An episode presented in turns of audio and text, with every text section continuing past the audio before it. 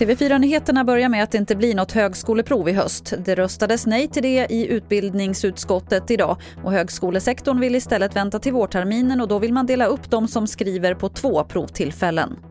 Tre barn i Jönköpings län har hållits inlåsta av sina föräldrar sedan i våras på grund av rädsla för covid-19, det rapporterar SR. Barnen har nu omhändertagits men föräldrarna nekar till att ha hållit dem hemma med tvång och har överklagat. Efter den senaste tidens upplopp och rapporter om gängkriminalitet så har flera partier fört fram krav på hårdare straff och tuffare lagstiftning. Men rikspolischef Anders Thornberg menar att det bland annat behövs fler insatser för att hindra unga från att hamna i kriminalitet. Om hela samhället jobbar tillsammans, står bakom polisen, ser till att de unga kriminella som är på väg in att de får möta konsekvenser så får vi en, ett stopp på tillväxten och tillsammans då kan vi skapa en bättre, ett bättre samhälle. Har ni tappat kontrollen? Absolut inte, utan vi är väldigt offensiva. Vi gör vårt jobb, men det jag säger det är att vi måste strypa eh, tillväxten.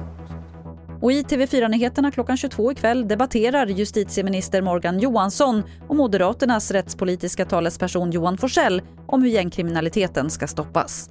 Och det var det senaste från TV4 Nyheterna. Jag heter Lotta Wall.